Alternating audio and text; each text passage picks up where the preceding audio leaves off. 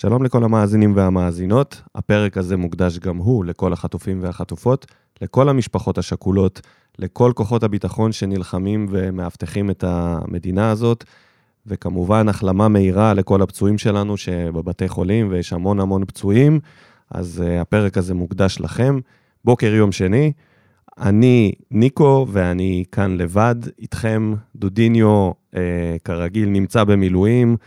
נלחם שם בעזה, ולכן אני כאן איתכם לבד, אבל אני לא מרגיש לבד, כי ראיתי שפינת מה בוער מפוצצת בתגובות, ולכן אני אקריא את כל התגובות, ואנחנו נהיה פה ביחד.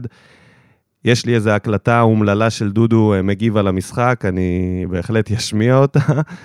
ואולי אם הוא יענה לי בבוקר זה והוא לא מעמיס פגזים איפשהו, אז uh, אני אעלה אותו כאן בטלפון, אבל זה מאוד תלוי בו. אז נתחיל מזה שאני כאן כי לא יכולתי לא להגיע לכאן. אחרי המשחק שהיה, באמת, הרגשתי שהלכנו במדבר יותר ממשה, ועד שראיתי את הארץ המובטחת, אני, מה, אני לא אלמד מטעויות משה? אני לא אכנס? אני אכנס. אמרתי, אני אכנס לחדר הקלטה, אני אפתח מיקרופון ואני אתחיל לדבר, ומה שיהיה יהיה, כי כל כך uh, מעודד, מעודד זו מילה די גדולה לתקופה הזאת, אבל... מחוייך, מחוייך, לא הייתי בסוף משחק, אה, וואו, לא ראיתי את זה מגיע, הימרתי 2-0 לפתח תקווה, הכל היה נראה כאילו אנחנו הולכים למטה, ואז אה, ניב פליטר, ניב פליטר, זה בעצם, זה, זה הגואל מציון, זה מי שהגיע והציל אותנו מהמצב שהיינו בו. כל מה שהיה צריך זה כדור טועה אחד מקרי של מגן שלעולם לא, לא פתח בהרכב של הקבוצה. אה, שייכנס וייכנס לשער כשהשוער אה, מביט בו ככה ומלווה אותו במבטו, ויפתח איזשהו סכר שמשם אי אפשר היה לעצור את הקבוצה הזאת. אז uh, כמובן, ניצחון 4-1 על מכבי פתח תקווה בחוץ, שזה גם משהו שלא קורה הרבה בקבוצה הזאת. ניצחון שלישי העונה, והצלחנו לעצור את הרצף השלילי של ההפסדים. משהו שהיה חייב לקרות, אחרת אה, היה מתחיל פה בלאגן עוד יותר רציני ממה שהיה עד עכשיו. ואני אתחיל מדברים שבאו לי בטוב. אה, ובראש ובראשונה, אני חייב להגיד שההרכב, ההרכב בא לי טוב. אה, אליניב עלה עם הרכב, שזה לא חשוב השחקנים, אלא יותר אה, בעצם אם הוא בחר במספר קשרים דפנסיביים והתקפיים, והמערך שהוא בחר. העיד כבר על זה שהמשחק הזה יהיה יותר טוב, אה, והמערך הזה כלל בתוכו מגן ימני טבעי, ש...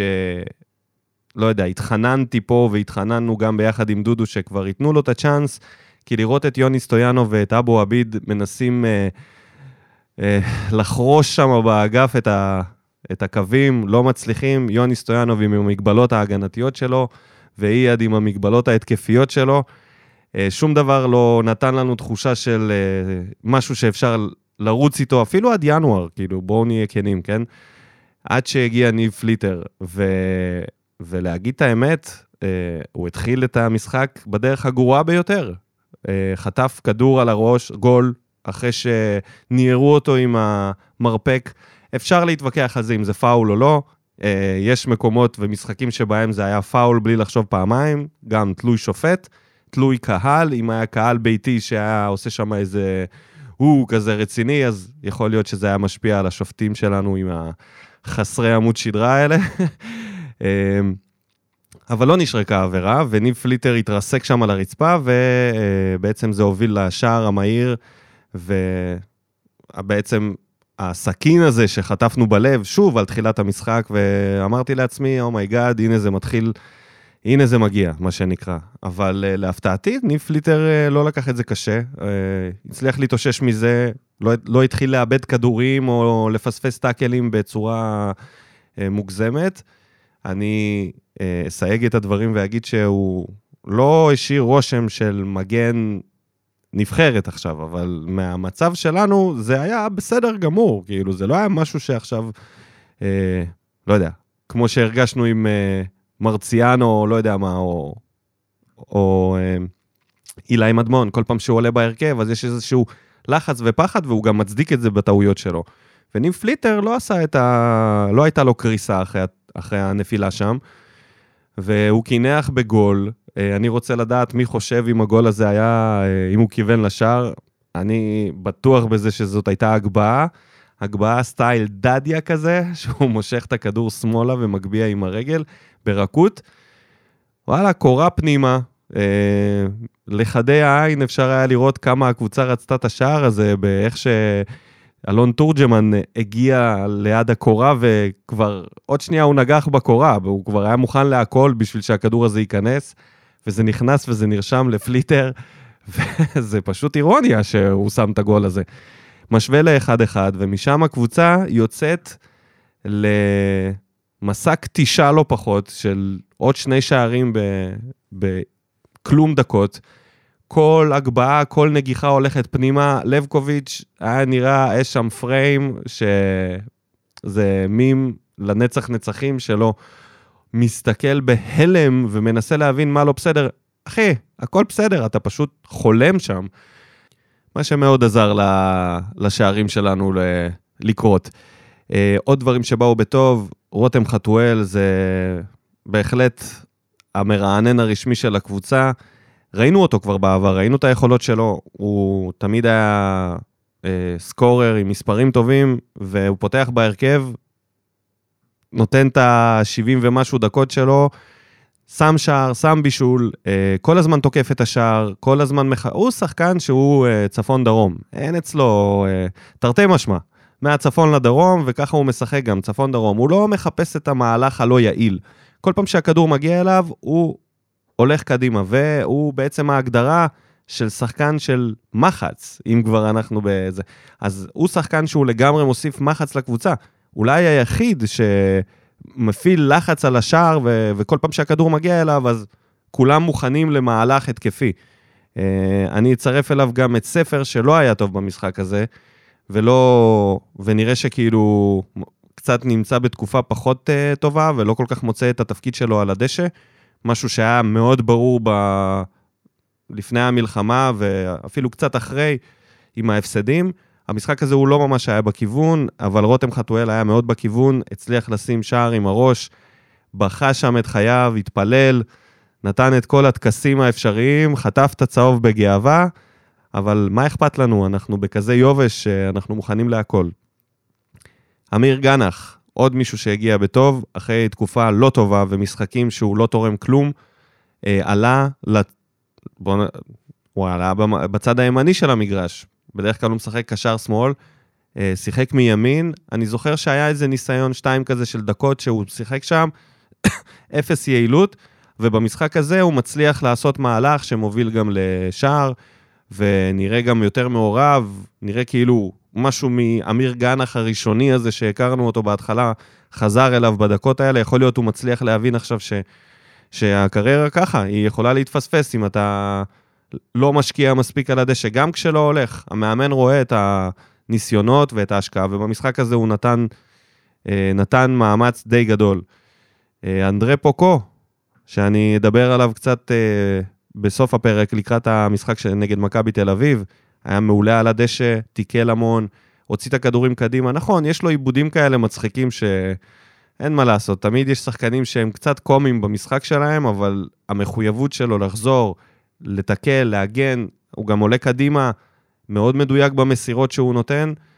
אה, זה תוספת כוח ושחקן שמתברר להיות בנקר. אני לא יודע אם זה שחקן ששווה צמרת עליונה ממש, אבל צמרת תחתונה הוא בטוח שווה, פלייאוף עליון הוא חייב לפתוח בקבוצה.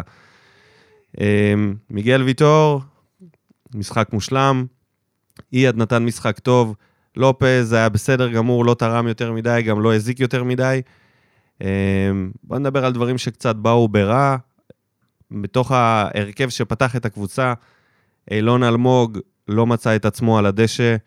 אה, עשה המון מהלכים מהאגף השמאלי, לא מדויקים, פעם נתקע במגנים, וכשהוא עבר אותם אז הוא מסר למקומות שלא היה בהם שחקן, לא הצליח לייצר אה, את המחץ הזה שדיברתי על רותם חתואל. נראה שגם הוא לא, לא כל כך מוצא את עצמו כרגע על הדשא.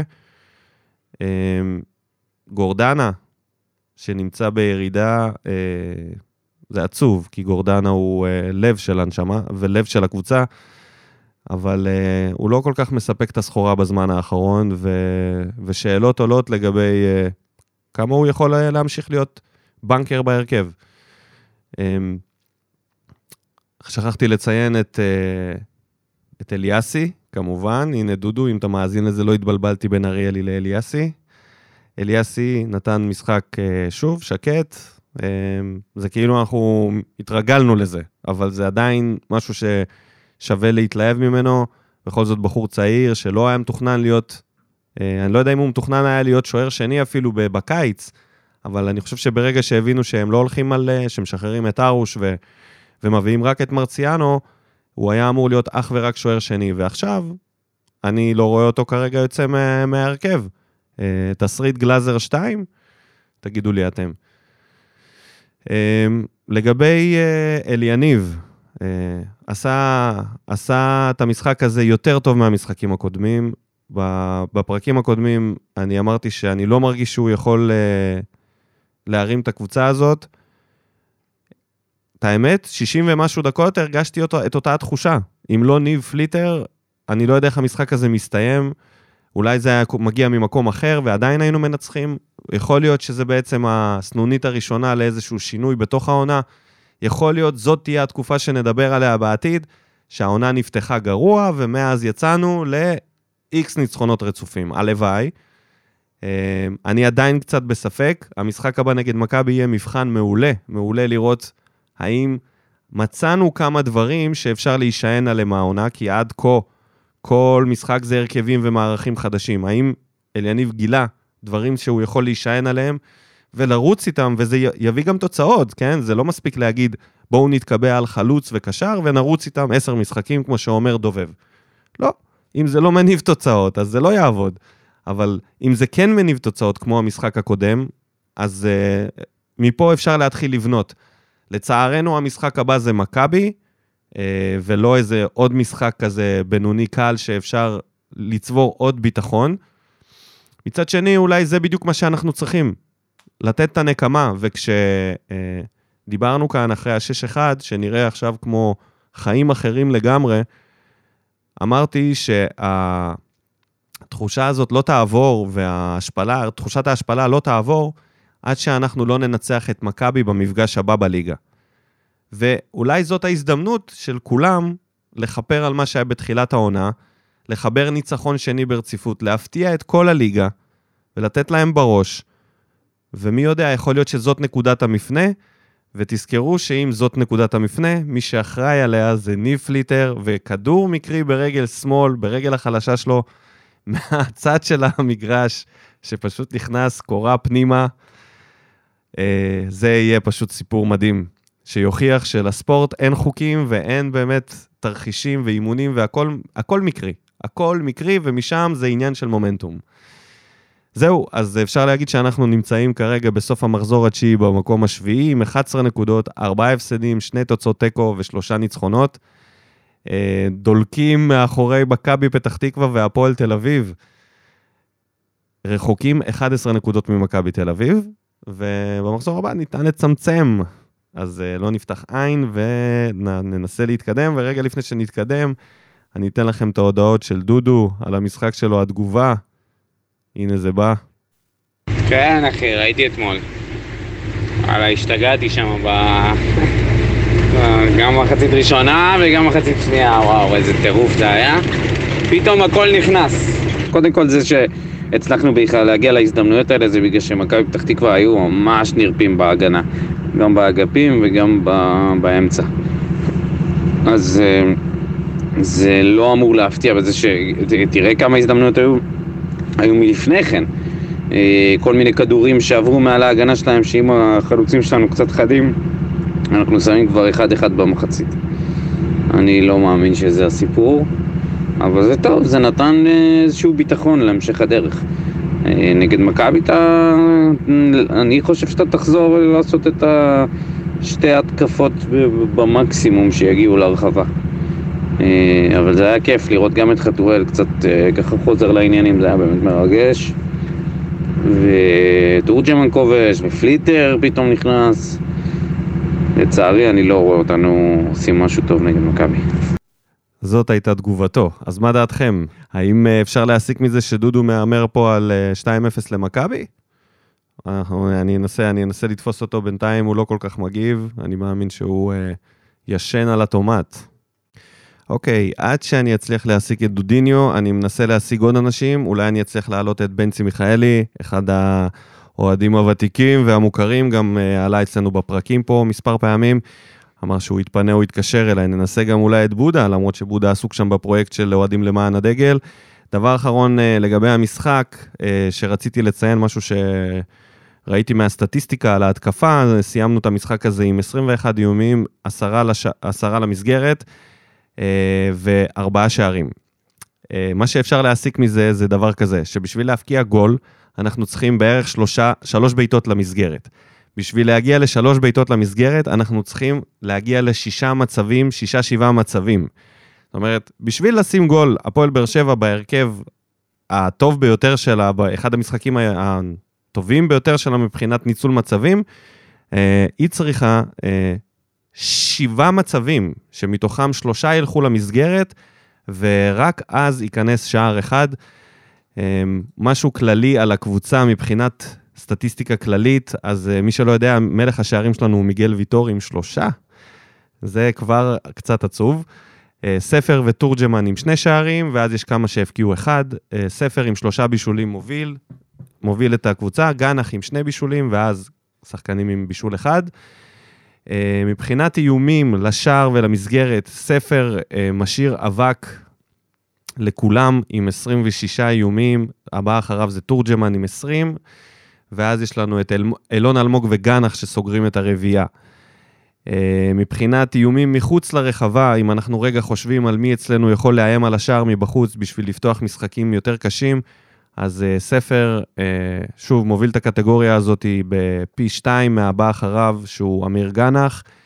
גורדנה עם שישה איומים למסגרת מתחילת העונה, ואילון אלמוג סוגר את הרביעייה. מה שאפשר להבין מזה שבעצם, אה, חוץ מגורדנה, אף אחד מהקישור לא באמת אה, מאיים, או מאיים מספיק על השער. יכול להיות ש... אה, אני ציפיתי מעדן שמיר להיות גם בלופ הזה, ו- ומפוקו, מה שכן, פוקו פחות מאיים על השער, אבל כן, יש לו המון המון דריבלים טובים שהוא מצליח לייצר מהם התקפות. דקות משחק, אולי זה יפתיע אנשים, אבל מיגל ויטור מוביל את הקבוצה בדקות משחק, טפו טפו, בלי עין הרע, יש פה עץ דפקתי. אה, הבן אדם הזה אה, כבר עונה, לא יודע, רביעית, או חמישית, רביעית כנראה, מוביל את הקבוצה בדקות. אה, מבן אדם שהיה איש הזכוכית, הפך לאיש ברזל. ספר אחריו, לופז ויוני סטויאנוב סוגרים את הרביעייה הראשונה.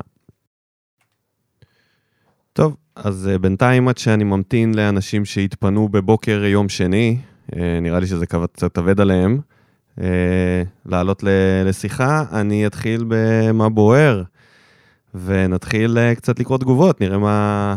ראיתי, ראיתי כבר שהציידנית לא פה, ראיתי, ראיתי כמה אנשים שהם בדרך כלל יודעים לתת את הטון בהפסדים, לא נמצאים. אבל נתחיל מאלה שכן. אייל חדד כותב שסבלנות היא שם המשחק.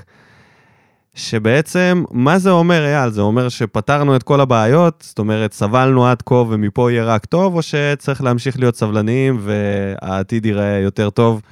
אני באמת אה, לא בציניות שואל, מה... איך אנחנו מודדים את הסבלנות שלנו? מתי אנחנו אומרים עד כאן, ומתי אנחנו אומרים אנחנו עדיין בלופ הסבלנות? זה נוח להגיד את זה בסוף משחק שמנצחים בו 4-1, אבל זה קצת לא נוח להגיד את זה כשאתה בשלושה הפסדים ברצף. יעקב גוטמן, סוף סוף מחצית טובה של באר שבע. שימו לב שכל הניצחונות שלנו העונה הם שלושה שערים ומעלה, וכל ההפסדים שלנו העונה הם בהפרש של שער 1, 1-0 או 2-1. הפנים למכבי תל אביב ברביעי. רק באר שבע זה מרגש.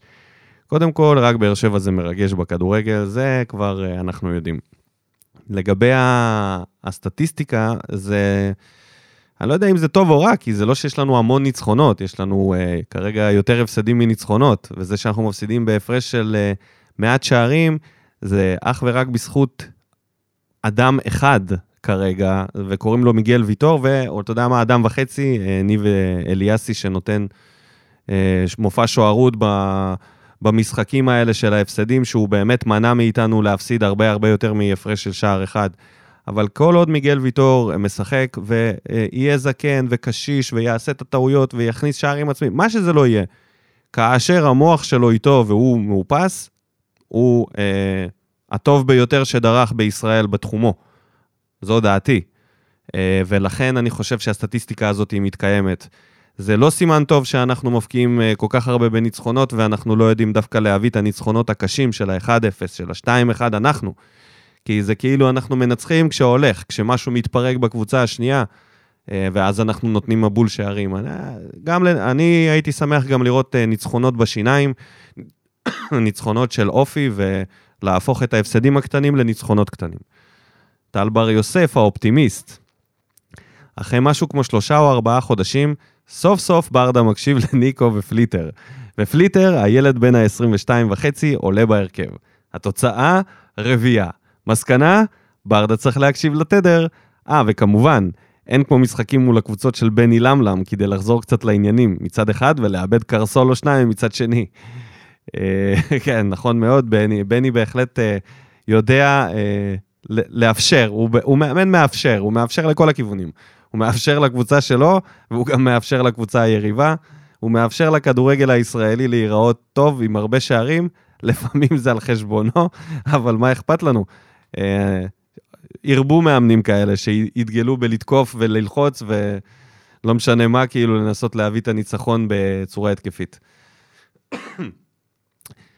רועי בן שימול, בואו לא נתבלבל, זה משחק בו כל מטאטא יורה. ואלוהים ישמור כמה מטאטים יש לנו. גול אולטרה מקרי ואז גול של חתואל מקרי ואז השתחרר המשחק. החילופים היו מאוחרים מדי, אבל סוף סוף היו אפקטיביים.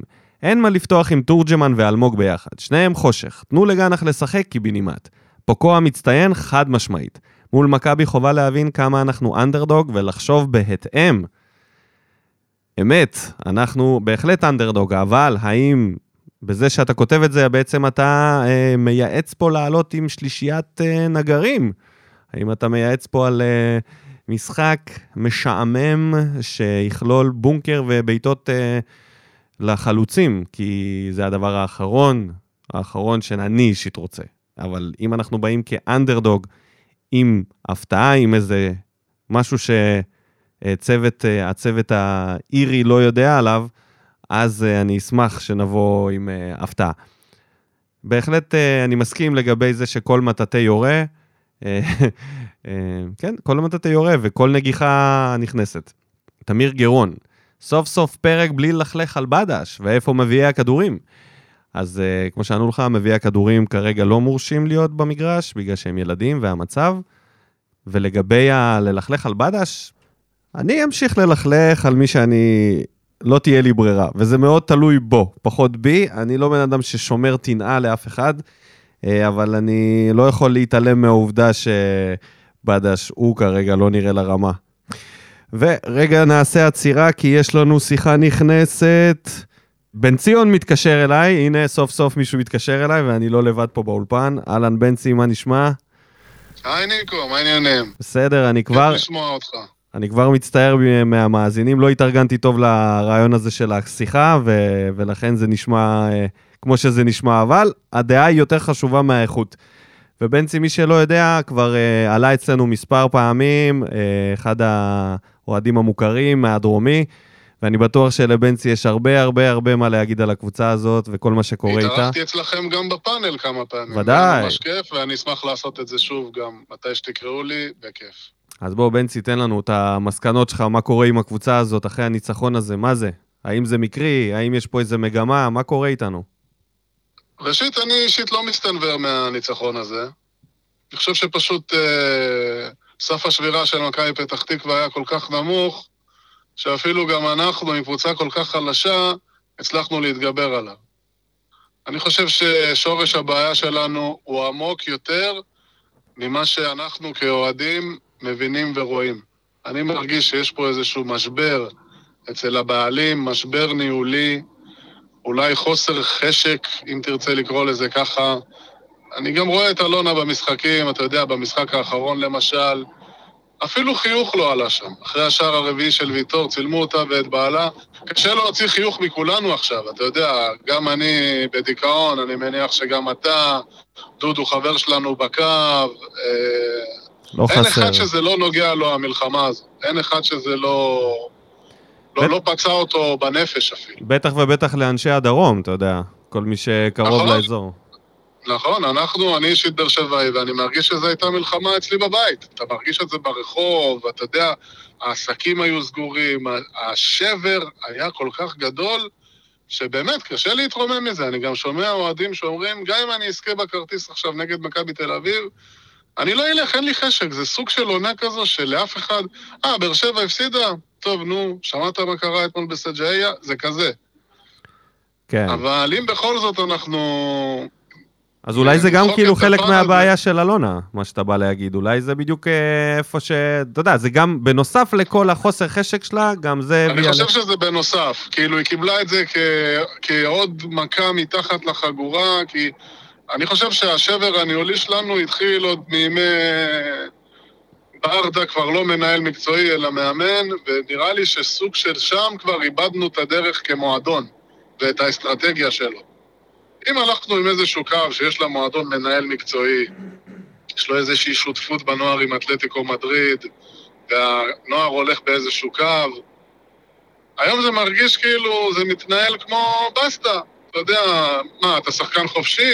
יאללה, בוא. לא באמת עושים scouting, לא באמת, אה, אתה יודע, עוקבים אחרי שחקנים, לא באמת, אה, לא באמת עושים איזשהו מאמץ כדי כן לנהל את זה נכון, אלא יותר מתנהלים מאשר מנהלים. ככה בכל אופן אני מרגיש. יכול להיות שאתה מסכים איתי, יכול להיות שלא.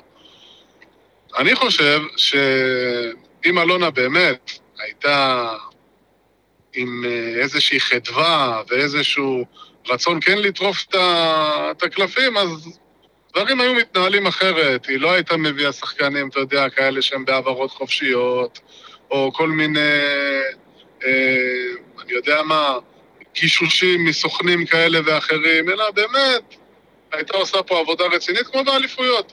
גם באליפויות התקציב שלנו היה הרבה יותר נמוך ממכבי תל אביב, מכבי חיפה, ואפילו בית"ר ירושלים שהיו עשירים.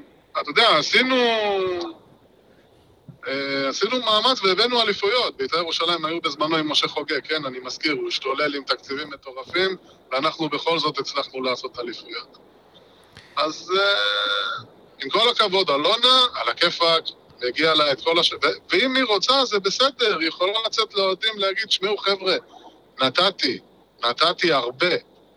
עכשיו תורי קצת לקבל, תורי ליהנות מהמיליון דולר על גלאזר, תורי ליהנות על אה, מיליון דולר על יחזקאל, על ה-300 אלף או 400 אלף יורו מספורי. תנו לי את זה קצת, אני צריכה את זה. היינו מבינים את זה. אם ברדה היה בא ואומר לנו, תשמעו חבר'ה, אני הולך לעונת בנייה. אליאס בן 23, סטויאנוב בן 21, יש לי שוער צעיר בן 19. אה, חתואל עדיין צעיר יחסית. תנו לי את העונת בנייה הזאת, תהיו מאחוריי, אני צריך אתכם.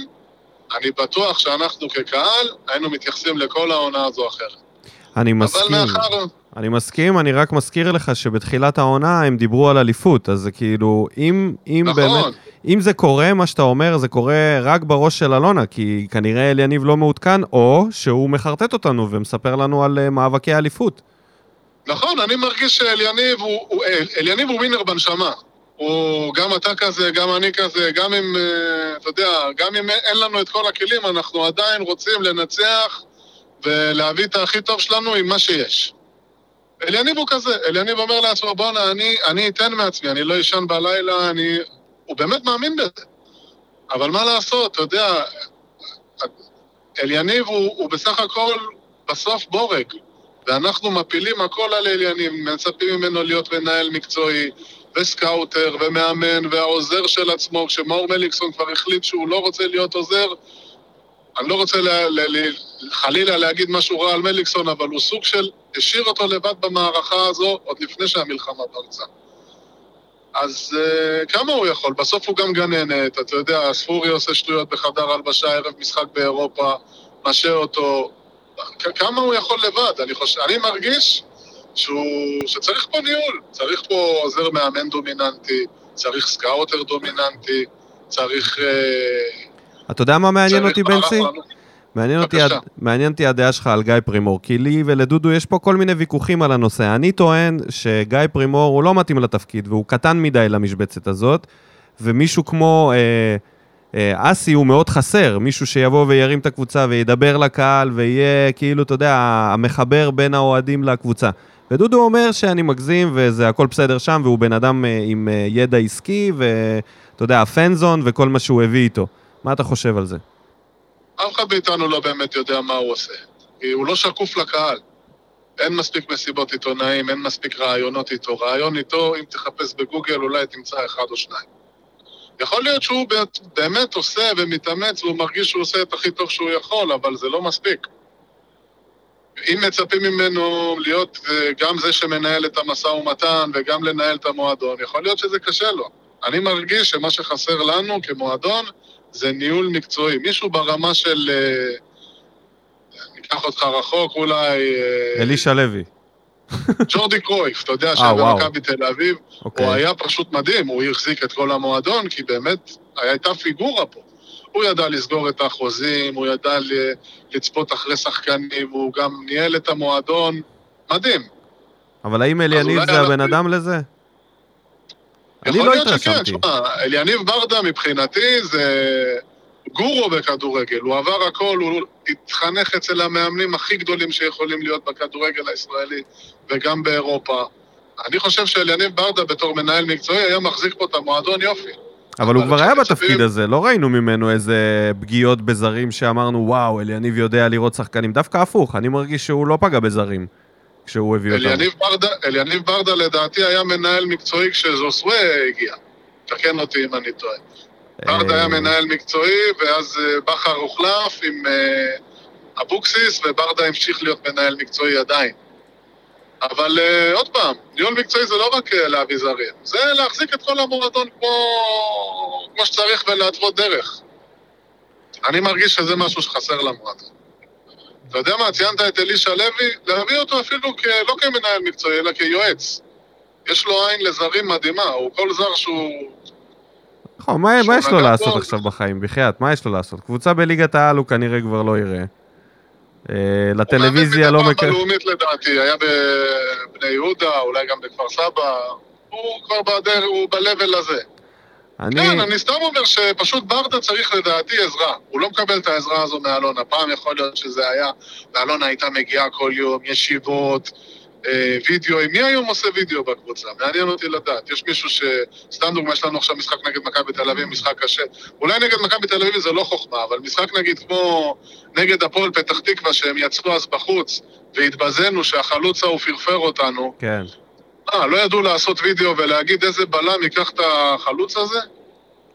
אולי, משהו אולי אתה. יודע, אולי עשו וזה לא עזר. גם זה אופציה. אולי עשו וזה לא, אז כן, לא הכל, מותר להפסיד בכדורגל, אבל פה זה היה נראה כאילו ההכנה הייתה לקועה, היינו כבר נגד עשרה שחקנים, ובכל זאת הם פרפרו אותנו. לא הגענו אפילו למצב. אז כאילו אני, אני תוהה לעצמי, אם נגיד עכשיו וכן היה מנהל מקצועי, האם זה פותר משהו? כי אם אלונה היא לא בעניין, אז מה זה שווה? כאילו, ברגע שאלונה היא לא בעניין, לא משנה כמה תפקידים יש לך, זה לא עובד. היא לא מביאה נכון, כסף אבל- וזהו, שמה כסף כמו גולדארט והולכת. היא מחליטה את מי היא קונה. היא מנהלת נכון, משא ומתן בעצמה, היא וההוא אה, מ- מוויקטורי, הספונסר. כן, שהוא לדעתי כבר אה, מרגיש שהוא כבר בעלים בפועל. הוא, הוא נכנס לחדר הלבשה, הוא מתראיין, מה הסיפור שלו, מוציא תגיד לי? פוסטים. מה- מה זה הדבר הזה? מה הסיפור שלו? לדעתי הוא רוצה להיות בעלים. ברגע שאלונה תפנה ביום מן הימים את המשבצת, הוא ייכנס בפנים. ככה אני מרגיש. תשמע, אם, אם, אה. אם אילון אלמוג יהיה פלופ, אני לא רוצה אותו. כי הוא כל כך התרגש ממנו, כאילו הוא הביא לפה את רומריו. התרגש והר- והרגיש כאילו זו הבאה שלו בלעדית. וזה היה כאילו הוא הסוכן. הוא הסוכן. והוא הסוכן גם, כן, מדהים. אה, טוב, אז... הלוואי ובסוף אנחנו, אתה יודע, בסוף רק אוהדים, אנחנו רק רוצים שהכל יהיה בסדר, אבל לדעתי אלונה... וזה בסדר, זכותה המלאה. אה, תרמה מה שהיא תרמה, אבל אני חושב שעוד אז, כשהיא קיבלה את הברקס בפוליטיקה, כבר אה, היא שמה אותנו, מה שנקרא, על אש קטנה. מה, מה הכי טוב שלנו העונה? מה אנחנו יכולים להשיג העונה לדעתך? The best. פלייאוף אני- עליון? אני כן אקח... אני- אני- אה, אתה מדבר על מיקומים? כן, בכלל, בעונה הזאת, מה אפשר? חוץ מנגיד לגלות כמה צעירים, שזה נראה לי. זהו, אני כן, אני, אני כן הייתי, הרי בסוף זו עונה שהיא תהיה עם כוכבית בהיסטוריה. אף אחד לא ידע ברור, כמו הקורונה. מי... כמו הקורונה, זה כזה, אתה יודע, לאף אחד לא באמת יש אנרגיות ואכפת והוא בעניין כן. אפילו הרבה יותר גרוע מהקורונה, זה... והרבה יותר גרוע. כל אחד לוקח פרופן אישי וכל אחד פצוע וייקח הרבה מאוד זמן להתאושש מהדבר הזה. אז אם מה? לדבר מיקומים, אם נגיע איכשהו למקום רביעי וזה יעניק לנו אירופה, רק כדי לשמור על המסורת של העשר שנים האחרונות לדעתי שאנחנו באירופה כל הזמן, אז אה, זה באמת יהיה אופטימלי. אבל אה, אם נדבר ריאלית, אנחנו קבוצה מאוד מאוד חדשה, מאוד מאוד חדשה. בוא נדבר קצת זרים, בוא נדבר קצת זרים. מה עושים עם הזרים? אז איך, אתה- איך אתה עם פוקו? אני נגיד, אני חושב שהוא אה, טוב מאוד. אני חושב שהוא מספיק לגמרי. פוקו בעיניי על הכיפאק. מה עם הוא גם אימרן? הולך ומשתפר עם הזמן. ערן בתפיסה שלי הוא לא... תשמע, אה, אתה יודע, אני גרוזיני. אני עוקב גם אחרי הליגה ת- הגרוזינית. תספר, למי שלא. אז זהו, אז אה, בואו רק לסבר את האוזן, הליגה הגרוזינית היא כל כך חלשה, שאם אני שם את דינמו טביליסי בליגה א', אני בספק אם היא עולה לליגה הלאומית. אם אני שם אותה בליגה הלאומית, מקום 6-7 זה המקום הריאלי שלה. עד כדי אז כך. הבאנו, עד כדי כך, וואו. והבאנו את השחקן לא הכי טוב שלהם. לא בוא. הכי טוב שלהם, היה לו איזה 18 לא, לא. שערים, לא משהו כזה, 12 לא, ו-18. זהו, קרא, זו ליגה שבאמת קל לנפח שם מספרים. אז זה כמו אוסטריה? אה, אוסטריה לעניים? לא, לא, לא, זה, זה באמת כמו... היא ליגה נוראית, אתה רק תפתח שם אה, תקצירים ואתה תראה את המגרשים, אתה תראה את הרמה. אחרי דקה 60 כבר בערך לאף אחד שם אין כושר למעבר לזה. כל, הד... כל השערים שלו זה דקה 70 כי הוא קצת עם כושר, הוא מסוגל עוד איכשהו... אין לו מהירות, הדריבל שלו הוא מאוד מאוד בינוני במונחים אירופאיים. אני חושב שהוא שחקן... אה, הוא שחקן ברמה, ברמה אולי של ליגה לאומית. ועובדה שהוא כבר הרבה זמן פה, וברדה לא כזה נותן לו. אם הוא היה שחקן, אז ישר רואים. מי ששחקן, ישר רואים עליו. זו התפיסה שלי. נכון, לפעמים שווה לתת יותר זמן ולהתאקלמות, ובטח עכשיו שאין קהל ואין לחץ, אבל אבל חייב להראות ניצוצות מהרגע הראשון, אין כזה דבר. חייב להראות... הנה, הוא נכנס דקה 70 במשחק האחרון, אני בספק אם הרגשת שהוא במגרש. הוא נגע אולי פעמיים בכדור, כאילו, הוא בקושי. נכנס דקה 70 גם נגד בני סכנין, גם אותו דבר, הוא לא שחקן שהוא מספר 10, או לפחות בעמדה 10, אתה מצפה ממנו לבוא, לא, לקחת הוא כדור. מפחד מהכדור, זה מוזר. מפחד מהכדור, זה לא... הוא לא, הוא לא לרמה, הוא לא, הוא לא מתאים אז איך נופלים עם שחקן, כאילו, שאתה האחרון, שאתה מביא את האחרון כבר, אתה אומר, זה בדיוק מה שאני צריך, אני חייב לפגוע פה. ובסוף מביאים שחקן כזה, מה התחלנו לדבר קודם? שאין מנהל. מקצועי. נכון. אם היה מנהל מקצועי, לא היינו מגיעים למצב... אנחנו משום מה תמיד אוהבים את הרגע האחרון בחלון. כאילו, איזה דרמה, אלונה חולה על זה. מה הבעיה לעבוד מסודר? כבר מעכשיו, מה זה מעכשיו? כל הזמן לעבוד, אבל נגיד סתם דוגמה, עכשיו ברדה במצב שהוא צריך קיצוני, הוא צריך חלוץ, בא אליו המנהל מקצועי, אומר לו, שמע, יש לך חמש אופציות, שן על זה לילה, תראה קלטות, תבחר. ברדה בוחר, יום למחרת הוא פה. במכבי חיפה למשל, היו צריכים בלם אחרי שפלניץ' עזב, יום למחרת נחתו פה שתיים, ועוד איזה. כן. גם עבדולאי סק וגם בדובינסיקה הזה. מדהים. לגמרי. מה אתה אומר על ספר? שחקן, אה, אתה יודע, ספר הוא שבהתחלה... פרויקט. פרויקט. ספר הוא פרויקט, הוא בסך הכל בן 22 לדעתי. אה, הוא שחקן שהוא היה במגמת עלייה שנה שעברה, כבר היה לו כמה שערים בליגה האירופית עם רפיד וינה וכל מיני כאלה. והוא הגיע אלינו שהמניות שלו כבר היו בירידה והקבוצה שלו כבר הייתה חמה למכור אותו בכל מחיר. באר שבע שמה עליו לדעתי 250 או 300 אלף יורו, יכול להיות שגם 400, אני לא, לא כזה זוכר את המספר, אבל במונחים אירופאיים זה גרעינים. היית רץ איתו? אני הייתי משיל אותו דווקא. משיל אותו. אוקיי. אני חושב שהייתי משיל אותו. אה, כמו שתוכנן בתחילת העונה, דרך אגב. אני חושב שהוא שחקן די סטטי, אין לו מהירות, הוא גם די מגביל את ההתקפה. הוא שחקן, אולי אני נתלה על אילנות גבוהים, אבל הוא עומר אצילי. ברגע שהקבוצה מחליטה שהיא משחקת רק עליו, והיא מבודדת אותו לבעיטה מרחוק, או ממש לבעיטה מתוך הרחבה, הוא יכול לתת מספרים. אז אני. אני מקודם נתתי פה סטטיסטיקה שהוא מוביל את הקבוצה באיומים לשער ואיומים למסגרת, ומחוץ לרחבה הוא, אה, הבא אחריו הוא בחצי, אמיר גנח באיומים. הוא, זאת אומרת, מבחינת אה, מחץ, למישהו שיוזם אה, לשער, הוא, הוא מוביל את הקבוצה בכל הפרמטרים. ובפער. יש לו, כי יש לו בעיטה מרחוק והוא נראה לי היחיד גם שבועט.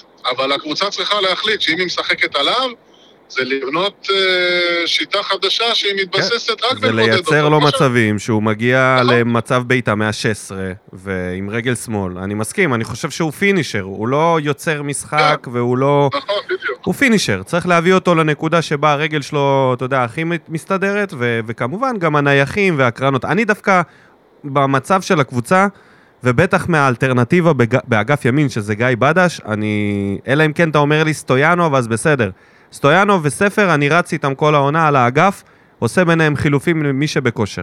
אבל uh, אתה יודע, אם זה גיא בדש וסטויאנוב בלי ספר, לא, אני מעדיף להעיף את בדש ולהישאר עם שני אלה. בדש גם שחקן בינוני. היה על המדף בחינם, יאללה, אלונה הביאה. לא, אבל הוא לא היה בינוני, הוא היה שנה שעברה התבלט בליגה, אתה לא יכול להגיד שהוא היה בינוני, הוא היה מהבולטים, הוא היה רכש חם. אולי, הוא- אולי הרכש הישראלי הבכיר בתוך הליגה שעבר מקבוצה לקבוצה. הרבה גולים אצלו היו בפנדלים. נכון, זה כן, נכון. כן, אבל... אה, אבל הוא נראה מת, הוא לא קשור בכלל לרמה, הוא נראה ליגה לאומית. נכון, הוא יותר מתאים, בוא נגיד אם הוא היה חותם בהפועל תל אביב, לא הייתי מופתע. כשהוא הגיע אלינו, זה הרגיש לי אה, קצת מתוך איזושהי מצוקה שאלונה לא מחתימה אף אחד, אז היא אמרה, יאללה, הבאתי. אתה יודע מה תמיד מפתיע אותי בזה? בשחקנים כאלה? שזאת ההזדמנות היחידה שלו לשחק בקבוצה גדולה. הוא יכול מבאר שבע או לעלות פעם אחת, או לרדת לנצח. זאת אומרת, אם הוא לא יוכיח את עצמו בבאר שבע, הוא בחיים לא יקבל הזדמנות לא במכבי, לא בחיפה, לא בשום מקום. ולראות אותו אדיש. לסיטואציה, וכאילו זה לא מעניין אותו ולא מדגדג לו בכלל, גומר אותי. אני לא יכול לראות אותו.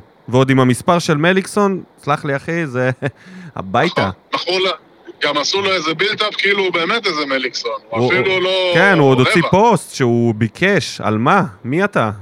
ממש, ממש נוראי. הוא לא לרמה, נראה לי שהוא בעצמו הופתע מזה שהוא בכלל הגיע לפה. אתה חושב? כן, ככה אני מרגיש. אבל בואו, בואו נחזור רגע לזרים. אה, כן, נשאר לנו אלדר לופז, ומי עוד שמה? רגע, אז לגבי ספר, הסכמנו ש... אה, לא, לא הסכמנו. להשאיר, אני חושב... אנחנו לא הסכמנו, אתה אמרת להשאיר, אני אומר להשאיר בסיטואציה הזאת. בוא נמשיך. אז אה, אני במצב אידיאלי הייתי משאיל אותו לשנה ומקבל אותו אולי שנה הבאה יותר טוב. במצב הזה, תשמע, קשה יהיה להביא זרים, אז הוא כבר פה, שיישאר. אלדר לופז לדעתי, סוף העונה אפשר יהיה להגיד לו תודה רבה, אני חושב שהוא מיצה. הוא מיצה, אבל אה, כאילו אלטרנטיבה, אה, הראל שלום זה גם לא ברמה. סורי, אבל זה... אוי, זה נוראי, ממש אה, נוראי. אני מתגעגע לאביב סולומון, אני חושב שהוא היה הרבה יותר טוב ממנו, לא יודע, אנשים לא מסכימים עם נכון. זה. נכון, נכון, נכון, אני לא יודע גם... אני גם מנסה לחשוב, אתה יודע, בליגה, איזה מגן שמאלי יש, אין. אתה יכול להגיד לעצמך, בואנה, אני אביא אותו. דודי טוויטו. הלוואי, מגן שמאלי זה מצרך ממש נדיר. כן, בגלל זה סוחטים את אה, לופז, אתה יודע, עונה שנייה כבר בכוח, הוא רצה לעזוב מזמן. נכון, נכון, נכון, זה כבר, אתה יודע, לדעתי גם הוא כבר מיצה, ויכול להיות שאפשר לעשות משהו זר במשבצת הזו חדש, אולי יותר מרענן, אולי יותר מוצלח. אגב, גם מגן ימני אני חושב שהייתי מביא זר, סטויאנוב, אה, מגן ימני הוא לא, הוא שחקן לא, קישורי. לא, לא, לא, סטויאנוב זה לא נגמר, זה אוף ליטר או מגן אמיתי. אולי דדיה בינואר יגיע, אבל זה לא זר. אולי זר ל- ל- לאנשים מסוימים, זר לענף, אבל לא- לא זר. בדיוק, בדיוק. לא, אנחנו אוהבים את דדיה, אני אשמח. אני גם, אני בעד שהוא יחזור במצבנו. הרכב. פותח. לגמרי. אז זהו, מי נשאר לנו בעצם? אימרן אמרנו, זה ליגה לאומית מקום 6. אנחנו עם ארבעה זרים. אנחנו אפילו לא צריכים לשחרר אף אחד בשביל להביא עוד אה, שני זרים לא מוצלחים. אנחנו נכון. טובים בזה. נכון. אני חושב שהייתי מביא חלוץ, לא צריך לחפש הרבה, הייתי לוקח להפועל פתח תקווה את החלוץ שיש להם. ולהפועל הוא ירושלים את המגן הימני. אני חושב גם, כן, הייתי מביא את המגן ימני. או יש שחקן שממש מצא חן בעיניי בהפועל חיפה, קוראים לו סנטוס. האמת, לא ראיתי אתמול את הדרבי, אני לא יודע איך הוא היה, אבל uh, ממה שראיתי אותו, הוא מדהים, הוא סוג של uh, מהרן רדי כזה, משודרג אפילו. גם היית- מחזיק את האמצע, גם התקפי, גם משחק לעומק, מהיר, ממש אהבתי אותו. היית ממש. מחזיר את אה, יוספי ונותן לו הרכב במצבנו? כעשר? כן, כן, למה לא? בטח. הלוואי. אבל אני... ליוספי ולדדיה ולכל החבר'ה האלה, יכול להיות שאולי בפנים הייתי ממליץ להם לא לחזור לפה. אחרי כל מה שהקהל שלנו עולל להם, אולי עדיף שיצליחו בחוץ ו... טוב, ראינו שדדיה זה פחות. אבל יוספי הולך לו לא רע בכלל. כאילו בינתיים. יוספי מדהים, גם... יוספי, כי הוא באמת משחק בתפקיד שלו, הוא באמת עשר. כן, אצלנו הוא תמיד היה באגף, תמיד היה מוצא את עצמו במקומות שהם אה, פחות אה, העמדה שלו. או אגף, או כל מיני ניסיונות לעשות אותו קשר אחורי, לא מוצלח במיוחד. טוב, משהו לסיום, בן ציון? היה נחמד. טוב, נקווה ל... נקווה ל... תן לי תוצאה נגד מכבי. אה, נראה לי שתיקו ישקף את ה... אתה אומר תיקו, אבל תיקו עם שערים, אני מקווה. תיקו, תיקו אחד כזה, כן. נראה לי שמכבי ישימו לנו את הראשון כבר די מהר, ילכו אחורה, ואנחנו עם איזה חתואל דקה 70-80 נצליח לתת את האחד שלנו, ובזה זה ייגמר. כן, אבל הלוואי וננצח. יאללה, נסגור את זה בזה. יאללה, תודה, בן מה ציון. ההימור שלך? רגע, רגע, מה ההימור שלך? אני אתן את זה בסוף הפרק, אני לא יכול לתת פה אה, ככה. אז אה, אוקיי, אוקיי, אוקיי. אוקיי. אני אאזין בשמחה. יאללה, תודה, בן ציון. ביי, יום תודה, נעים אחי. ביי ביי. ביי. טוב, תודה לבן ציון שקפץ ככה בהפתעה. אה, עכשיו אני אנסה לחזור ל- לאיפה שהייתי לפני. היינו ב... טוב, אז זה היה אה, מאוד נחמד, האמת זה היה מרענן, לא לדבר רק אני עם עצמי, אבל עכשיו אני אחזור אליכם, ואז זה יהיה עוד יותר נחמד. נמשיך במה בוער איפה שהייתי, נחזור לאורי פלטין, שכותב, הנה הכותרת, סוף סוף קצת נחת. חילופים נכונים והוצאת המתחזים לשחקנים מהמחצית הראשונה, שהייתה שוב משהו שלא קשור לכדורגל. כרגיל, קצת נחת עם קצת ביקורת. אייל עזרא, המורה, קצת כיף, אבל לא מסתנוור. אמרתי לפני המשחק לפלטינים שזה הרכב לא טוב. צריך עושה משחק, אלמוג לא שחקן. אני חושב שגאנה חייב לשחק. גם שהוא לא טוב, הוא יותר טוב מהשאר. כיף לראות שחתואל חזר כי הוא תמיד מחפש את השער. פליטר פתח לו טוב, אבל נראה שהוא מגן סביר ועדיף על כל שחקן אחר שיש, כרג... שיש לנו כרגע בתור מגן. מה שכן, גם התקפית הוא תורם לא מעט. פוקו נראה המרוקאי, פוקו נהדר, המרוקאי עדיין לא מצא את עצמו. פוקו נראה מרוקאי זה, זה מעניין. פוקו נראה קצת יותר ג'מייקני ממרוקאי, אבל... לדעתי חייב לתת לו, מפת... לתת לו לפתוח כדי לצבור ביטחון. למרוקאי, אוקיי, איזה הימור. אחרי ששמענו את בן ציון אומר שהוא שווה ליגה לאומית. סטויאנוב היה אחלה במרכז. אז נראה שלאחר החילופים הדברים נראו טוב יותר, אבל ברדה חייב שהמשחק ייפתח טוב יותר. מול מכבי זה עולם אחר, מקווה לא להתבזות ואולי להצליח לצאת עם תיקו או חלילה לנצח. שיהיה בהצלחה ונקווה לטוב. אה, באמת מעניין אותי מה ראית מסטויאנוב במרכז, אני כאילו, היה שם כל כך מעט שבדקות האלה לא הרגשתי אותו יותר מדי. הוד רוממותו יוני, כותב. רק שעכשיו לא ידברו על סבלנות ותהליך למידה של ברדה, ושהשחקנים סוף סוף הבינו את המסר. קשקוש בלבוש. שלוש מתוך, שלושה מתוך ארבעה הגולים היו פוקסים, יחד עם שטויות שוער. השער השלישי היה יפה בגלל המסירה של חתואל, וזהו. ברדה לדעתי עדיין צריך ללכת, ושיה, ויפה שעה אחת קודם. אז המסר הזה של הוד רוממותו יוני לאייל חדד, שכתב שהסבלנות היא שם המשחק. ענבל גנון, להגדיל ולפנות את מספר 24 ולמצוא מישהו ראוי. ניצחון חשוב לפני מכבי ובכלל. מקווה שיקר...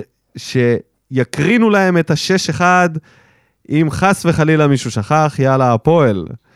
אז uh, כששאלו uh, שלא יהיה פה, שלא יהיה פה דברים על ירידות על בדש, אז הנה, ענבל דאגה לזה. ארז דוד, ניצחון חשוב בקרבות על המיקום בפלייאוף. כשמשחקים התקפים שחקנים שחושבים על השער, גם מגיעים להזדמנויות וכובשים. סוף סוף ברדה עולה עם מגן בתור, בתפקיד מגן. נכון שהשער הראשון על הראש שלו. אבל פליטר תיקן בשער. הרבה עבודה באגף ובעיקר יכול לסגור פינה לברדה בעמדה הנטושה הזאת. וחתואל, כמה כיף לראות את חתואל משחק אחרי שלוש שנים. וואו, הגזמת, אה, ארז. לא לוקח הרבה מהניצחון הזה, חוץ ממצב רוח לקראת מכבי תל אביב. משחק פוטנציאלי למפלה נוספת, כי מול באר שבע כולם מגיעים להזדמנויות ומכבי תל אביב מענישה. מטרות הקבוצה לעונה, כרטיס לפלייאוף והרצת הבסיס לקבוצה בעונה הבאה. כרטיס לאירופה שווה ערך לאליפות. משפט אה, כואב בסוף. אבל uh, האם זה לא משהו שאנחנו אומרים פה בכל עונה שלא נפתחת uh, במרוץ ישיר על האליפות, שזה עונה להריץ, uh, למצוא את הבסיס ולבנות לקראת העונה? זה מה שניסינו לעשות שנה שעברה. אני כבר לא מאמין בשום דבר, באמת, אחרי שניסינו את זה, ובקיץ דיברו פה על אליפויות, ופטרסון, וקלימלה, וכל החלומות האלה שהתנפצו עם ה-6-1 הזה, עם אותה מכבי. אסתי פלטין כותבת, סוף סוף קצת טוב ביום הקשה הזה, עם הפנים למכבי. עמירם אסיף כותב, פוקו בוער. נכון? פוקו בוער מאוד. אייל וקנין, יופי, העונה לא נראית ליגה. עידו שפירא, וואו, איזה מאמן גרוע בן עילם, זה מדהים. בואו לא נתבלבל, שיחקנו נגד אחת מהנמושות הליגה שבש... שנשברה מנטלית כאילו היא עשויה מקלקר. השוער שלהם פשוט נתן לנו את המשחק. לדעתי הוא קרוב משפחה של ברדה, או שברדה מחזיק עליו משהו. אין לי הסבר אחר, אין לי הסבר הגיוני אחר למה שהיה שם. הקבוצה עדיין לא טובה בשום צורה שהיא, אבל תמיד עדיף לתקן עם שלוש נקודות מאשר עם אפס. בצד האופטימי, אם חתואל יחזור, הוא יכול לעזור לנו מאוד בהמשך העונה. אליאסי נתן כמה הצלות וגנח היה טוב כשנכנס. אמ, אז האם... אז הנה עידו באמת מאמין שזה תחילתו של תהליך, לפי מה שאני רואה פה. סיוון לינדה, הדוקטורי, כותב לנו. אחרי שלושה הפסדים ברציפות, ברדה ואני חוגגים באותו תאריך, קיבלנו מתנה ראויה ליום ההולדת. אם נתייחס למשחק, קודם כל מזל טוב, סיוון, וגם מזל טוב לאליניב, ואיזה כיף שזה לא היה במחזור הקודם. באמת זכיתם. אם נתייחס למשחק עצמו, אנחנו היינו יותר טובים לאורך כל המשחק, אך מאוד לא יעילים ומאוד לא תכליתיים, במ... תכליתיים. במחצית הראשונה במסירה, בעיטה האחרונה, ומכבי פתח תקווה, במעט המצבים שלה, כמעט ועלתה ל-2-0.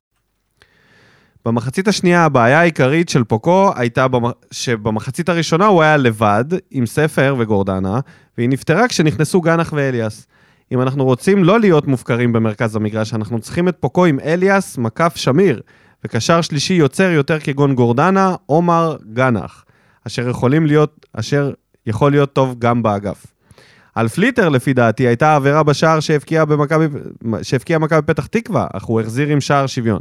פליטר צריך להמשיך כמגן ימני עד שיביאו מגן ימני פותח בינואר. חשוב להגיע עם מצב רוח מרומם מול מכבי, אחרי שחתואל ותורג'מן הבקיעו. אני מקווה שנצליח לנצח את מכבי ביום רביעי הקרוב, יאללה הפועל באר שבע. אז uh, גם אני מקווה. לגבי uh, הציוות בקישור, uh, נדבר על זה לקראת המשחק, לקראת uh, ההרכב של uh, מכבי. שלום פנקר כתב, מקווה שהתקופה החדשה וטובה לפנינו.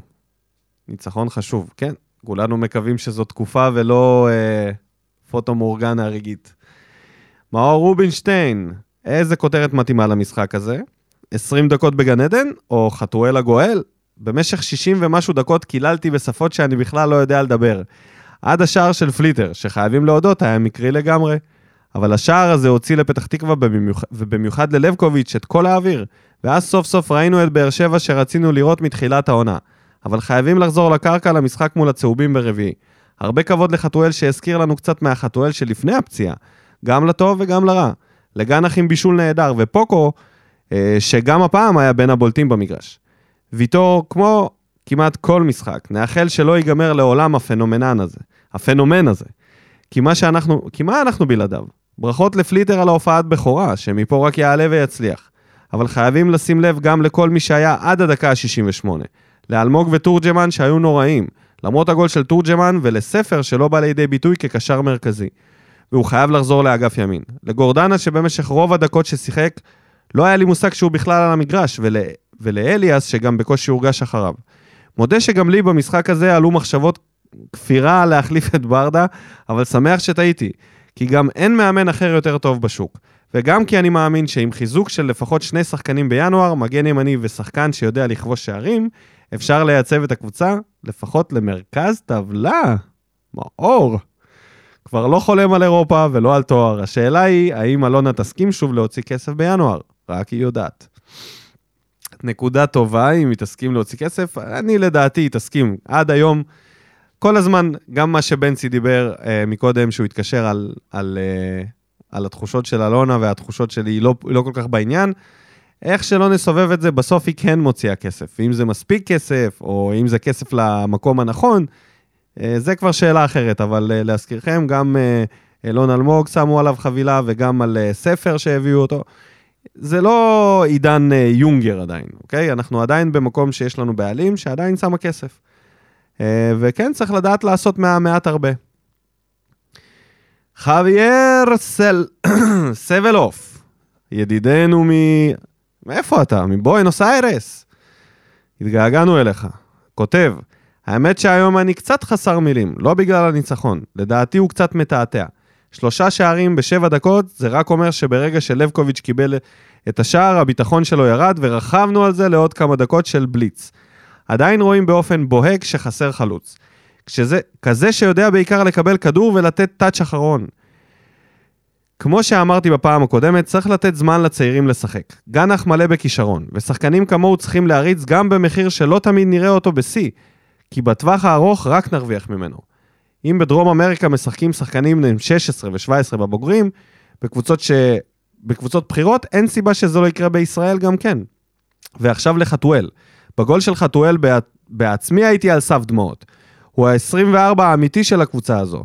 כשמליקסון לא שם, ואני לא שוכח את העשייה שלו מחוץ למגרש, שזה בכלל נושא בפני עצמו. ובנושא אחר, ביקשתם ממני להביא לשולחן שלכם אופציות לשחקנים רלוונטיים מהליגה הדרום-אמריקאית, הבאתי היום שתיים ואצטרך כתגובה, ואצט, ואצטרף כתגובה להודעה הזאת, ואצרף כתגובה להודעה הזאת, סליחה, שיהיה לכולם שבוע מוצלח, עם ישראל חי, חווייר. קודם כל, כל הכבוד. Uh, מי שרוצה לראות קצת יותר לעומק, מוזמן להיכנס למה בוער בפייסבוק, פה נמצאות ההמלצות. יש לנו פה חלוץ שהוא ממליץ עליו אה, חלוץ עם 21 הופעות בליגה אה, ו-11 שערים, ועוד שלושה שערים בגביע, בליגה הצ'יליאנית, שלא נופלת מהליגה הישראלית, ככה כותב חוויאר, להבדיל מהליגה הגיאורגית. יש פה גם אה, אה, חלוץ תשע שיודע לרדת, לקחת כדור ולדחוק בין השחקני, השחקני ההגנה לשער, 25 משחקים עם 17 שערים בין 22. זה אני אוהב, חוויאר. למרות שהוא ממוקם, הוא משחק בליגה בוונצואלה, שלדעת חוויאר לא נופלת הרבה מהליגה הישראלית. זה חשוב כמה הרבה. אבל כזה שחקן אני מאוד אוהב, בן 22, עם 17 אה, שערים ב-25 משחקים, יכול להיות משהו מעניין. Uh, נמשיך למור פלאס. אני עדיין חושב שברדה עדיף על כל מאמן ישראלי שיושב היום בבית ומחכה שיקראו, שיקראו לו לבוא לבאר שבע. אה, עופרי בן דיין, סוף סוף הרכב התקפי. עדיין רחוק מאוד מלהיות מושלם, אבל ראינו קצת יותר חיוביות ואנרגיות מהשחקנים. הפעם חילופים טובים של ברדה שהוציאו את, שהוציא את שני השחקנים שתקעו לנו את ההתקפה בחצי הראשון, ספר ואלמוג. ומי שנכנס היה באמת מעולה, חוץ מעומר שעדיין נחשב בגדר תעלומה. חייב לתת מילה על ויטור, כי מעבר לגול הבן אדם פשוט חיה ואין שני לו. עדיין הבלם הכי טוב בליגה, ואני לא יכול לחשוב על זה שבקרוב הסיפור ייגמר. חבל שלא נצליח למנף את המשחק, כי ברביעי מחכה לנו יריבה שהיא הרבה מעבר ל-level שלנו. אני, אבל נקווה לטוב, יאללה, הפועל. אין ספק שנקווה לטוב. עדי ויינטרוב, הפרופסור, כותב, הרבה יותר כיף להתחיל ככה שבוע. פוקו היה מצוין, פליטר קיבל הזדמנות ולא בעט בדלי. בהחלט ראוי להמשך האמון. לא שפתרנו את בעיית החלוץ, אבל הכי דחוף בעיניי זה בונה משחק שיחבר בין ההגנה להתקפה. מי אמר דור מיכה? מקווה שהמשחק הזה מצביע על דרך חדשה החוצה מהמשבר. אני מאמין שהסגל שלנו שווה הרבה יותר ממה שקיבלנו עד עכשיו. יאללה, באר שבע. ועדי מוסיף, לגבי מיכה, זה לא שהייתי מחזיר אותו עכשיו, אבל אז בצומת, שה... בצומת ההחלטה בין מיכה לספורי, בתור הייטר של ספורי ויחזקאל, למרות המספרים העלובים שהיו למיכה אצלנו, אתם יודעים מה אני הייתי בוחר, ומעניין איפה זה היה שם אותנו היום. מעניין, אני גם אוהב uh, את השאלות של מה אם היה קורה, מה היה קורה אם. Uh, רעיון נחמד. ונסיים עם uh, אביש לוי חברוני, שכותב שהדבר היחיד שבוער זה שאין ספר מחזור. אכן, אין ספר מחזור, אנחנו uh, כרגע, uh, כמו שדודו הסביר בפרק הקודם-קודם, לא מרגישים את ה... שום... אני יודע שיש אנשים שזה מצחיק אותם וזה מעלה להם קצת את המצב רוח, אבל אנחנו לא מצליחים למצוא בתוכנו את המצב רוח ואת העידוד לעשות את זה בתקופה כזאת. עם כל הכבוד לכדורגל, קורים פה דברים הרבה יותר גדולים. יש מלחמה בחוץ שגובה חיי אדם, יש חטופים ולעלות מי... עשינו את זה פעם אחת, ומיד איך שהעלינו את זה, התחרטנו על זה, אבל החלטנו להשאיר את זה. ומאז אנחנו לא עושים, כמו ששמתם לב, גם אה, אין לנו פה סאונדים ומוזיקה בפודקאסט. ככה אנחנו יכולים לפחות, זאת הסולידריות המינימלית שאנחנו יכולים אה, לתת כדי אה, לא, לא לשחק אותה כאילו הכל טוב, כי לא הכל טוב, אוקיי? לא, לא באמת הכל טוב. אז תודה רבה לכל מי שכתב ו... ו... והיה כאן במה בוער, כתב וכתבה, תודה לכם. והדבר האחרון, לפני שאני אפרד מכם בפרק הזה, אה, נתכונן ל... נתכונן. נדבר קצת על המשחק נגד מכבי תל אביב. אה, כאמור, ביום רביעי, מחכה לנו אה, מהמקום הראשון, ללא הפסדים, וזה, אין זמן טוב יותר ואין יריבה טובה יותר לתת לה את ההפסד הראשון מאשר מכבי תל אביב. המשחק יהיה בטרנר, לא שזה מעודד. כשאין קהל, אז למרות ה... יש עוד משהו שאפשר לדבר על זה רגע עכשיו. יצא אישור להכנסת 5,000 אה, אוהדים, יצאה הודעה שיהיה הגרלה על המנויים. Uh, משם יצאה עוד הודעה של האולטרס, שהם לא יהיו במשחק כל עוד יש הגבלות. Uh, ודבר אחרון לגבי הנושא הזה, ש... שאין מרחב מוגן, אז צריך לקחת את זה בחשבון, שיש פה הימור, הימור לגמרי על החיים. Uh, ההנחיה זה להוריד את הראש ולכסות אותו עם הידיים, כאילו שזה משהו שיעצור אה, רסיס או משהו כזה. אז אה, לשיקול אה, האנשים, כל אחד צריך לקבל פה החלטה אה, אם לעשות את זה או לא. אני קטונתי מלתת את דעתי לגבי זה. אז כאמור, יהיה משחק בטרנר, יכול להיות גם יהיה אפילו 5,000 אה, או 4,000 אוהדים ממה שהם פרסמו, כי יש את כל המאבטחים, זה כולל את כולם, גם את המאבטחים, גם את השחקנים, את כולם, כולם, כולם. אז יכול להיות שיהיה קצת צבע וקצת עידוד, אבל uh, האם הקבוצה שלנו תצליח לעשות את זה? זאת השאלה. ועל כן, אני אבנה כאן הרכב ללא מפריע, לא יהיה פה את דודו שיבוא וייכנס לי כמו פרסומת מהצד ויתחיל לזרוק לי שמות של שחקנים שאני פחות. אז אני אהיה פה חופשי לגמרי. אמ, אז אני אלך אה, מאליאסי, לופז, ויטור, אבו ופליטר. אני לא נוגע בהגנה הזאת, אלא אם כן אין לי ברירה, פציעה או כרטיס. אני רץ עם ההגנה הזאת מעכשיו ועד לא יודע עד מתי.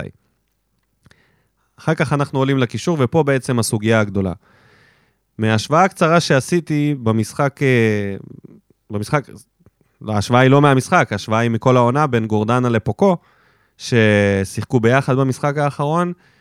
עלו לי כמה מסקנות, אה, וזאת השוואה די טובה, כי הם שיחקו כמעט את אותן דקות, פוקו שיחק קצת יותר, חצי שעה יותר, ומבחינת מה שאפשר לראות, אני מזהה הרבה, הרבה דמיון ביניהם. ואני רואה שכרגע יש איזושהי עדיפות, מבחינתי לפחות לפוקו, במה שהוא מביא למגרש. ההבדל ביניהם העיקרי הוא כזה, גורדנה מאיים יותר ממחוץ ל... מאיים על השער. יש לו שש איומים מחוץ לרחבה, שזה... ואיום אחד מתוך הרחבה. פוקו בסך הכל איים שלושה איומים, שזה בחצי. אבל מצד שני, אה, אם להסתכל רגע על אה, כמות הדריבלים ודריבלים מוצלחים, פוקו עושה פי שלוש דריבלים מגורדנה. הוא מצליח באחוזים אה, מאוד גבוהים, משהו כמו 70 אחוז בדריבלים, שזה מדהים. מבחינת מסירות, הם, יש להם את אותו הדיוק, שניהם עומדים באזור ה-80 ומשהו אחוז במסירה, למרות שפוקו מסר טיפה לפחות, אבל האחוזי הצלחה במסירות הם זהים. דריבלים, אמרתי, פוקו פי שלוש, תיקולים פי שתיים וחצי פוקו, תיקולים מוצלחים אחוז מאוד גבוה לפוקו, אה, ובטוטל חילוצים, חילוצי כדור, פוקו כמעט פי שתיים, עם 53 לעומת 30 של גורדנה. מסקנה שלי מפה זה שאני לא מעלה אותם ביחד. אני חושב שזה אותו שחקן עם וריאציה קטנה של גורדנה יותר בועט מבחוץ, למרות שלקרוא לשבע בעיטות בתשעה מחזורים, אה, זה כלום, כן? זה, זה פחות מאיום במשחק, אז אני אבטל את האיומים האלה, כי זה לא הניב עדיין לא גול ולא שום דבר. מבחינת מספרים, פוקו היחיד שבישל, לגורדנה אין לא שער ולא בישול. אז אם אני משכלל את הנתונים האלה, אני מרגיש שאחד מהם צריך להיות על הדשא. ובמשחק נגד מכבי לא הייתי עולה עם שניהם, מכיוון שהייתי מכניס לפה אה, שחקן קשר אחורי, וזה יהיה אליאס, כי כרגע בררו מרגיש לי שהוא פול גז על ניוטרל. אה, שניהם שחקנים אנרגטיים, שניהם שחקנים עם מחויבות. אני חושב שאליאס ופוקו מרגיש לי כמו ציוות שיכול לעבוד ממש טוב, ולהרבה זמן, ולא לשחק עם זה. לעלות וככה לשחק. מה נעשה עם הקשר השלישי? יש אנשים שרוצים שיהיה פה גורדנה או עדן שמיר. אני מה... בקטע הזה, אני מעדיף כישלון מפואר על חלומות במגירה, ולכן אני דוחף שם שחקן התקפי. אז uh, אמרנו גורדנה אליאס בקישור, מצד שמאל אני שם את רותם חתואל, שמרגיש לי שכרגע uh, זה השחקן הכי חשוב, הכי חשוב, ויכול להיות גם זה שישים את הקבוצה על הגב התקפית, כי הוא מוסיף המון מחץ. רותם חתואל משמאל, מצד ימין אני מעלה את uh, ספר בשביל שיהיה לי איומים במצבים נייחים. אם אנחנו נגיע למצבים נייחים וקרנות, וגם איומים מחוץ למסגרת. Uh, החלוץ שלי יהיה תורג'מן. אלון אלמוג כרגע, אני לא מרגיש שהוא uh, יכול להחזיק את הקבוצה הזאת. לא הייתי פותח איתו נגד מכבי, כן הייתי משלב אותו מהספסל. ובעמדת העשר, Uh, מכיוון שיש לנו פה גם חתואל וגם ספר, זה שחקנים של כדור לרגל, uh, הייתי הולך על uh, סטויאנוב כעשר במרכז, שיוסיף לי מהירות ויוסיף לי קצת ריצה לשטח יחד עם תורג'מן, כי אם אני שם את גנח בשלישיית קישור ההתקפית שלי, אז אני יוצר משולש שלושה שחקנים שהם משחקים עם הכדור לרגל. ובמשחק נגד מכבי תל אביב מרגיש לי שיהיה פה קצת יותר מתפרצות מאשר נגד מכבי פתח תקווה, וחייבים, חייבים שחקן מהיר. אה, אני לא יודע מי השחקן, מי יכול להיות פה יותר מהיר מסטויאנוב בהתקפה הזאת, בטח לא בדש, אה, ולא גנח לא יותר מהיר ממנו, וגנח גם לא רץ לשטח, אז אה, שזאת בעיה בפני עצמה, זה משהו שהוא צריך לעבוד עליה. אז אני הייתי הולך עם סטויאנוב, וכדי לחתום את, ה- את ההרכב ההתקפי שלי, אני אאמר על 1-0 אה, באר שבע. 1-0 באר שבע, כן. זה מה שאני הולך. ו... ואני אאמר בשביל דודו, אחרי שהוא אמר שהוא לא מרגיש שיהיה תוצאה טובה נגד מכבי, 2-0 מכבי. אלא אם כן הוא יתקן אותי אחרת. וזהו, נקווה ש... שהמשחק יסתיים טוב. אני מקווה שנהניתם מהפרק הזה, זה... אני אף פעם לא עשיתי את זה לבד, אז אשמח לדעת מה אתם חושבים על זה. תודה רבה לכל המאזינים והמאזינות שהיו איתנו, איתי ואיתנו. תודה לכל מי שכתב במה בוער וכתבה. הפרק הזה מוקדש, כמו שאמרתי בתחילת הפרק, מוקדש לכל החטופים והחטופות, לכל כוחות הביטחון ששומרים עלינו בימים קשים האלה, לכל המשפחות השכולות, וכמובן, מאחל, אני מאחל, ואנחנו, התדר, כולם מאחלים החלמה מהירה לכל הפצועים בבתי חולים וכל הפצועים שיש לנו גם בשטח. אה, תחזרו בשלום, תעשו את העבודה על הצד הטוב ביותר. רגע לפני סיום אני אעדכן אתכם שניסיתי להשיג גם את האנליסטים וגם את וסרמיליה, אבל אנשים, אנשים עסוקים. לגבי האנליסטים, אני יכול להגיד שמי ששם לב שהם פחות מעלים פרקים, הם במילואים, אנשים עושים את העבודה בחוץ. אז uh, כולנו מתגעגעים אליכם, תחזרו בשלום ותחזרו לעשות תוכן. Uh, אני לא יכול להחזיק את זה לבד, חבר'ה, בודה, איפה אתה? מתפנה רק בשתיים, הוא אומר לי. מה זה בשתיים? אנשים פה מקליטים בבוקר. אתה מתפנה לי בשתיים. שתהיה בריא. תודה רבה, וסליחה, נתראה בפרק הבא.